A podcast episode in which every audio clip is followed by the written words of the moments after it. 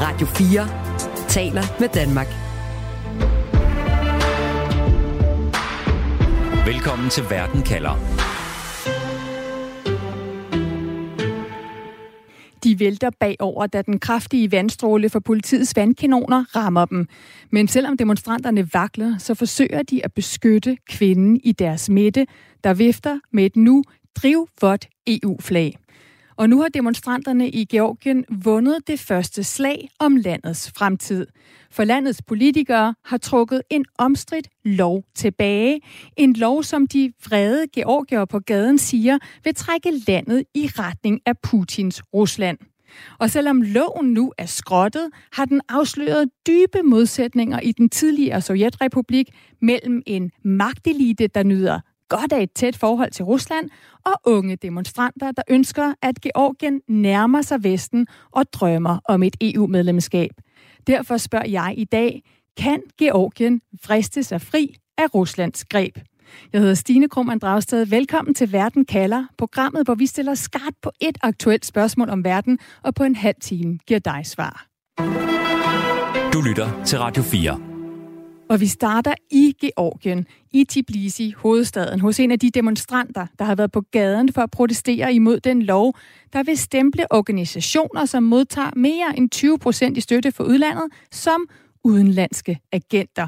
En lov, som demonstranterne altså siger, minder om russisk lovgivning, der kan bruges til at kvæle kritik og bruges til at slå ned på modstandere af regeringens politik. Og det er en lov, som Nanuka Shakinovi er imod, øh, og hun er på gaden og har demonstreret imod den her lov. Hun er faktisk også på gaden igen her i aften for at fortsætte protesterne. Welcome to the program, Nanuka. Thank you so much. Hello, everyone. Hello, you are 21 years old. Uh, normally, you're busy studying in Tbilisi, the capital of, of Georgia. Nanuka, why are you continuing the protests uh, now uh, this evening? I mean, this uh, controversial law has already been abandoned. Um, thank you so much, first of all, for your interest and concern. That means a lot for us. That the whole world understands our concerns correctly. Today, we are still protesting this because so the latest update is that um, the ruling team announced today that they will withdraw the transparency of foreign influence bill, uh, also known as foreign agents law and Russian law, as we call it. But th- that doesn't mean that it's already like canceled or something because uh, they said that once the once the emotional background subsides, they will return to discussing it in the public, which means that the ruling team does not refuse to discuss this bill. So the procedure mm. will continue. This is just like delay. So you want to follow it all yeah. the way through and make sure that uh, the the law is totally abandoned. Uh, Nanuka, you've also told me that this is not just about the law. It's about the direction of your country. It's about Georgia, whether you will be under Russia's influence or turn towards the West. How is that? Yeah, exactly. We have experienced the influence from Russia when we were uh, under the Soviet Union, so we don't want to go back to USSR.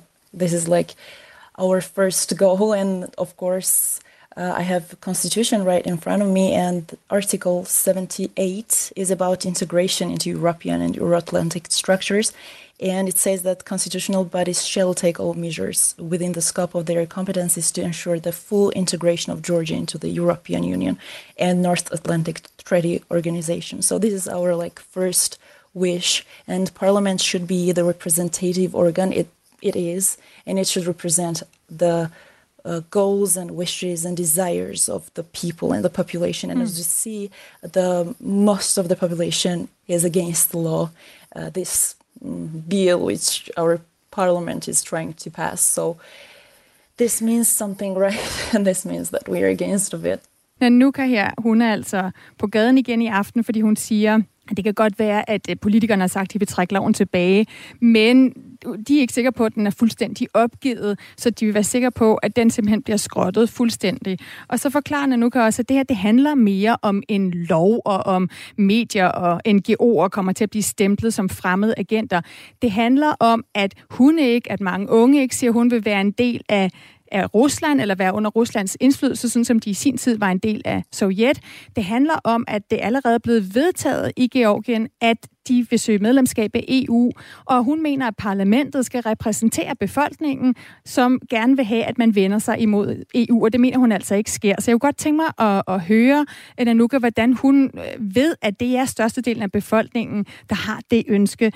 Um, Nanuka, you say that, I mean, now you've succeeded in putting some pressure on the parliament to reconsider this law. You say that the dream is that Georgia becomes part of the EU. How do you know that the people protesting on the streets speak with the voice of most of the people in Georgia? In front of the parliament right now, everyone can see in live that there are thousands of people. And Georgia is not a big country and the population is not like huge. So I think the majority of people uh, are standing there, not in not only in the capital city, also in regions, in villages, in small cities, also in my hometown, which is Kutaisi. Everyone is on the streets. So I think we're quite many, and this is more than half of population that is uh, expressing their will right now, exactly happening. And I'm also going to uh, join them after this session. Yeah, you're on the way to protests again. Can you just uh, lastly tell me about that? We've seen scenes with police using water cannons, using tear gas against protesters like you. Are you worried for, for yourself, for, for your friends, uh, that you will get hurt?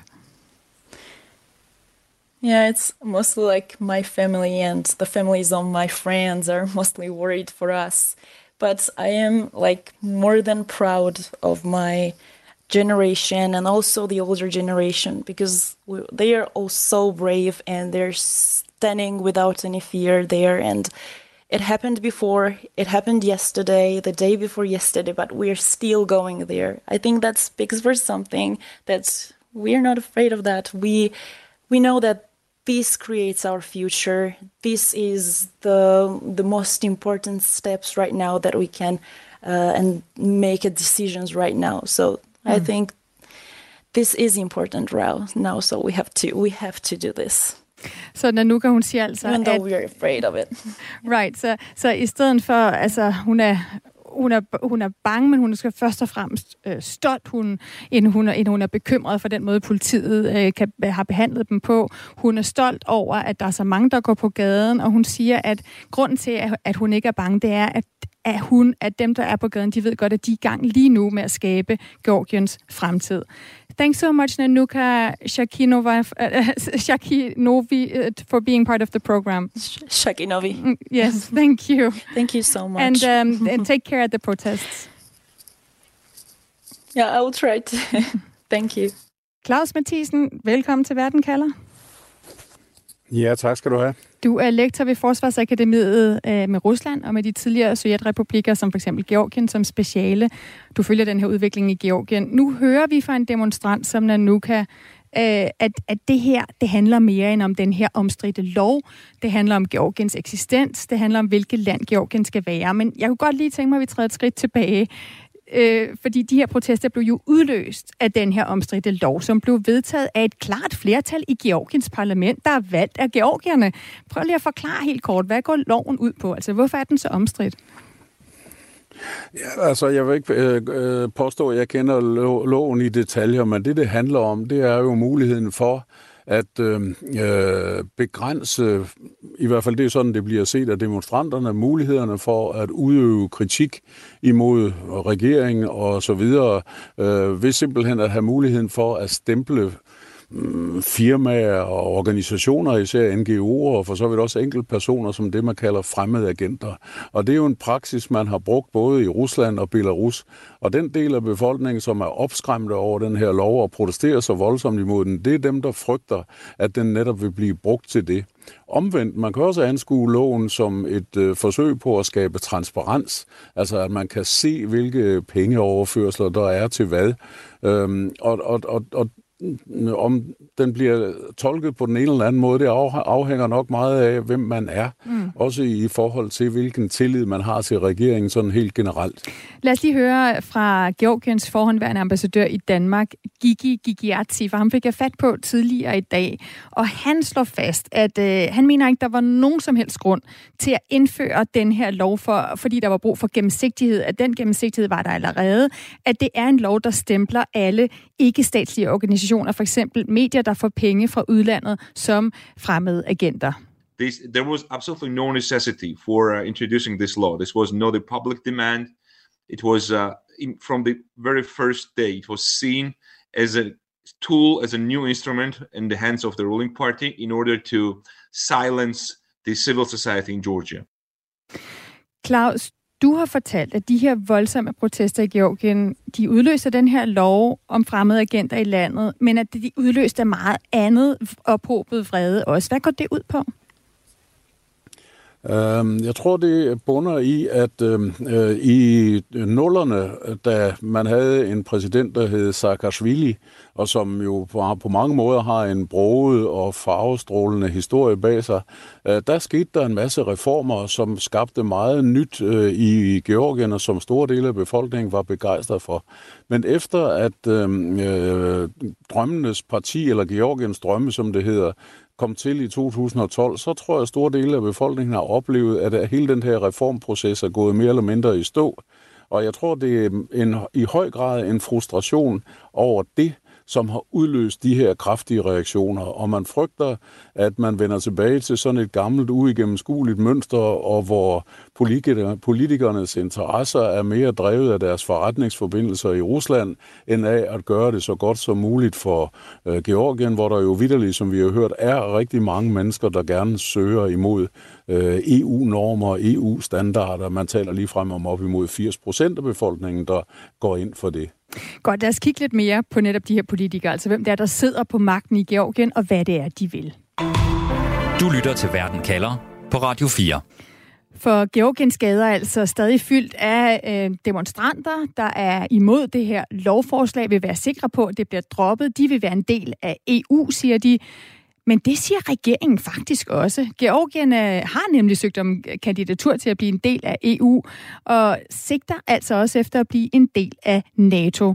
Og så er spørgsmålet, at hvis både regeringen og befolkningen egentlig ved den samme ting, hvorfor i alverden er der så optøjer og snak om russisk indflydelse i regeringen? For at svare på det spørgsmål, så skal vi først blive lidt klogere på, hvilket parti det der parti, der sidder på magten, er altså det, der hedder Georgian Dream Party. Og det er jo et relativt nyt parti, Claus Mathisen. Det fik kom til magten i 2012. Hvem er det, der har grundlagt det her parti? Hvad ved vi om grundlæggeren? Uh, jamen, ham, der har grundlagt det, han hedder Ivanishvili og er en øhm, mere end almindelig hovedrig georgier. Uh, han er det, man kalder en oligark. Han har uh, en betydelig andel af det hele det georgiske BNP. Og øh, han har en fortid som sådan typisk øh, øh, en, der, der blev uddannet også efterfølgende først i Georgien, så i, i, i, i Rusland som økonom eller i Sovjetunionen, og som nød godt af alle de muligheder, der bød sig i 90'erne. Han var givetvis også talentfuld og skabte sig altså en typisk sådan formue på en måde, som, som øh, man nok i dag vil stille øh, i hvert fald en række spørgsmål til. Mm. Og så var han faktisk i starten en støtte for Saakashvili. Han, det var faktisk i høj grad ham, der finansierede Saakashvilis øh, valgkampagner og så videre. Altså den leder, den tidligere leder af landet, der gerne ville trække Georgien mod EU. Ja, mm. Lige præcis, men så endte han med at blive lidt bekymret for, at Saakashvili ved at lave en forfatningsændring måske pludselig kunne lade sig vælge for en tredje periode, og han endte så på den måde faktisk med at være en politisk modstander for uh, Saakashvili.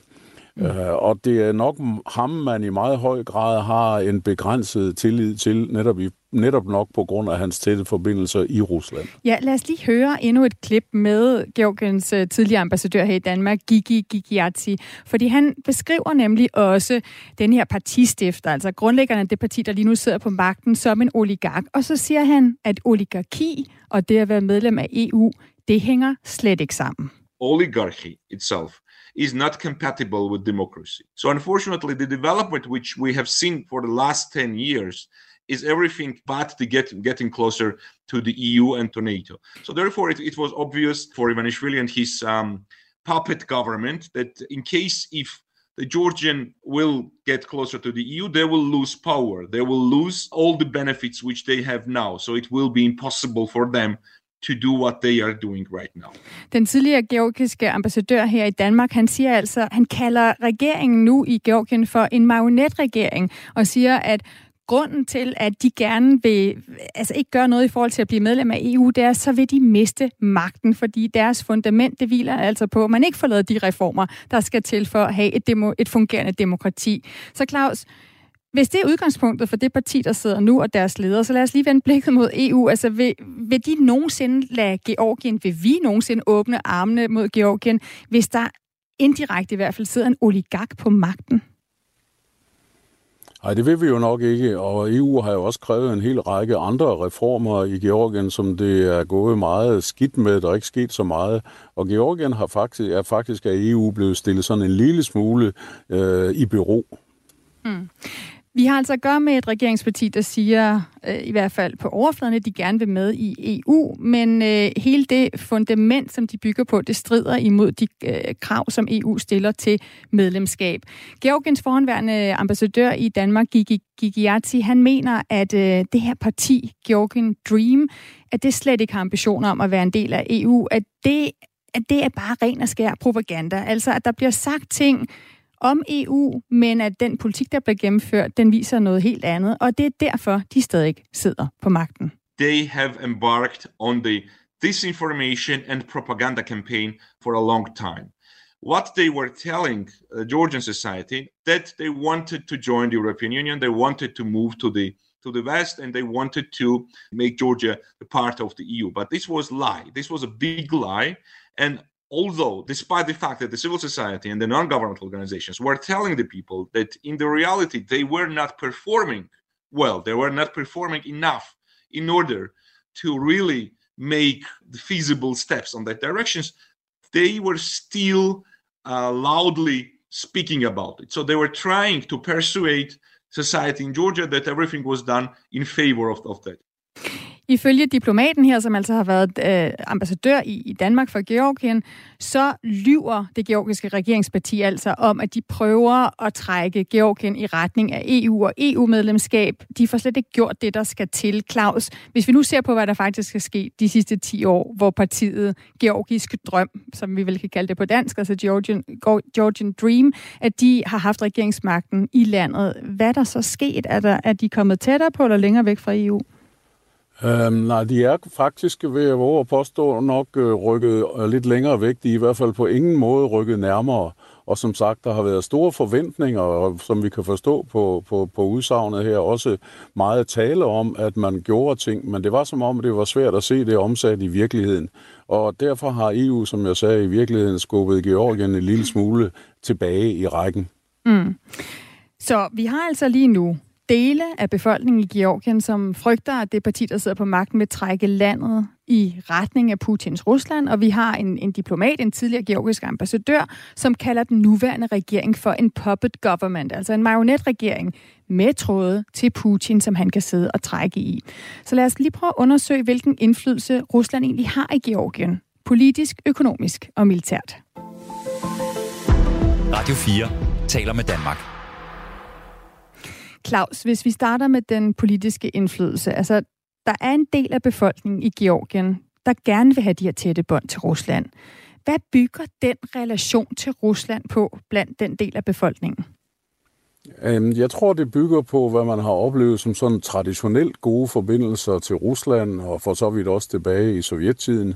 Øh, måske øh, en slags øh, nostalgi, der eksisterer i dele af befolkningen, måske især den, den ældre del af befolkningen. Jeg tror, at den unge del af befolkningen, de absolut er imod øh, Øh, tilnærmelser til Rusland. Og det skyldes jo også blandt andet krigen i 2008, og hvor der rundt omkring i Georgien stadigvæk er mange såkaldte internt fordrevne, der bor under midlertidige forhold, men som åbenbart altså har stået på temmelig længe. Så det her forhold til Rusland, det handler dels om øh, krig med, med Rusland, det handler om, hvem der har magten i landet, det handler også lige nu med krigen i Ukraine om Putins imperiedrømme, men for nogle folk i Georgien, der siger du, det egentlig også handler om noget andet, altså om kultur, om religion og om mentalitet? Ja, jeg tror, der står, man også i Georgien, ligesom andre steder rundt omkring øh, i, i øh, det, der engang var Sønderjylland, finder mennesker, som savner måske især den stabilitet, den forudsigelighed, der var forbundet med det, plus nogle andre ting, som måske betyder knap så meget. Følelsen af storhed, følelsen af, af magt. Det, det tror jeg spiller ind. Jeg tror også, man kan sige, at der har traditionelt været tætte bånd mellem Georgier og russer. Russer er kommet i stort antal på ferie i Georgien og gør det faktisk stadigvæk både vinter og sommer. Ja, og det hænger jo sammen med det, vi kunne vende os mod nu, altså det, de økonomiske bånd mellem Rusland og Georgien. Fordi en ting er, at den her grundlægger af det parti, der sidder på magten, at han selv er oligark, at han har tætte bånd til, til Rusland. Men, men Claus, hvad med resten af Georgiens økonomi? Altså, hvor vigtig er almindelige russere for den? At Georgiens økonomi har i hvert fald efter Georgien blev selvstændigt, øh, skal vi sige, været præget af, at turismen faktisk har fået større og større andel i BNP'et. Og da eksempelvis øh, covid ramte Georgien, og Georgien blev ret hårdt ramt, der gik det hårdt ud over turismen, og, og, og det betød simpelthen, at mange familier og mennesker ikke havde en indkomst. Og det er også noget af det, som befolkningen ikke rigtig har tilgivet regeringen. Det er, at man, man mener, at regeringen håndterede hele covid-krisen virkelig, virkelig dårligt. Og det tror jeg også at ligger under de protester, man ser nu, og hvor man har kunne se i EU-landene, at der blev det trods alt øh, håndteret noget mere forsvarligt i forhold til, at økonomien kørte videre. Så vi har talt om de politiske bånd, de økonomiske bånd, så er der den russiske militære tilstedeværelse i, i Georgien. I hvor stor en del af Georgien er det russiske militær til stede? Øh, det er sådan, at der er to øh, udbryderregioner. Den, der hedder Abkhazien oppe i den nordvestlige hjørne af Georgien, og så Sydossetien sådan cirka midt i Georgien, men længere nordpå op mod Kaukasus. Og øh, det var øh, republikker, som blev til som følge af interne krige i Georgien i starten af 90'erne, og hvor russerne støttede øh, oseterne og abkhazerne i deres kamp mod georgierne. Og russerne har anerkendt de to områder som selvstændige republikker og har baseaftaler og dermed russisk militær stationeret der. Men mange af de soldater er i øjeblikket trukket til Ukraine, og derfor er det også, at man ser så meget bevægelse i Kaukasus nu, fordi man føler, at den russiske militære tilstedeværelse den er mindre end normalt. Altså bevægelse i Kaukasus, du siger, at, at det her med, at der faktisk nu for eksempel er demonstranter på gaden, at, at vi i flere lande ser, at der er befolkninger, der rører på sig, det forbinder du med, at russernes militær tilstedeværelse ikke er så synlig mere? Ja, jeg forbinder det med Ukrainekrigen på den måde, sådan helt konkret, men i høj grad også, øh, hvor de chokbølger, som Ukrainekrigen har sendt igennem, især den del af den georgiske befolkning, der ønsker en europæisk orientering. De er skrækslagende ved tanken om, at Rusland får sin vilje i Ukraine, og dermed måske vender blikket mod Georgien som det næste, og de kan jo godt se, at det har de ikke store chancer for at, at, at sætte sig op imod.